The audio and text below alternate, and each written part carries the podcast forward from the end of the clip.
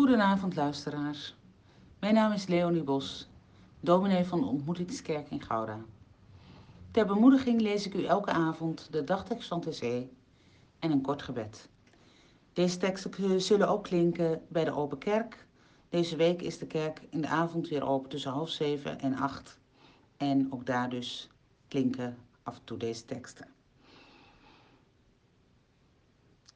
Jezus zegt, wie een van deze geringe mensen een beker koel water te drinken geeft, alleen omdat het een leerling van mij is, ik verzeker jullie, die zal zeker beloond worden. Trouwe God, als op een dag mijn kracht vergaat, mijn hart van angst verkrampt, slechts duister mij voor ogen staat, mijn toekomst is verdampt.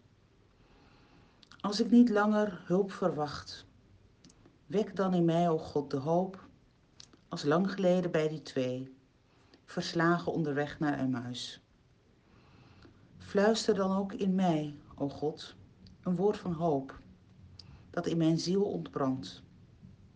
Deel dan het brood met mij, de beker van de opstanding. Open dan ook mijn ogen voor wat niemand ziet en alle verwachtingen te boven gaat.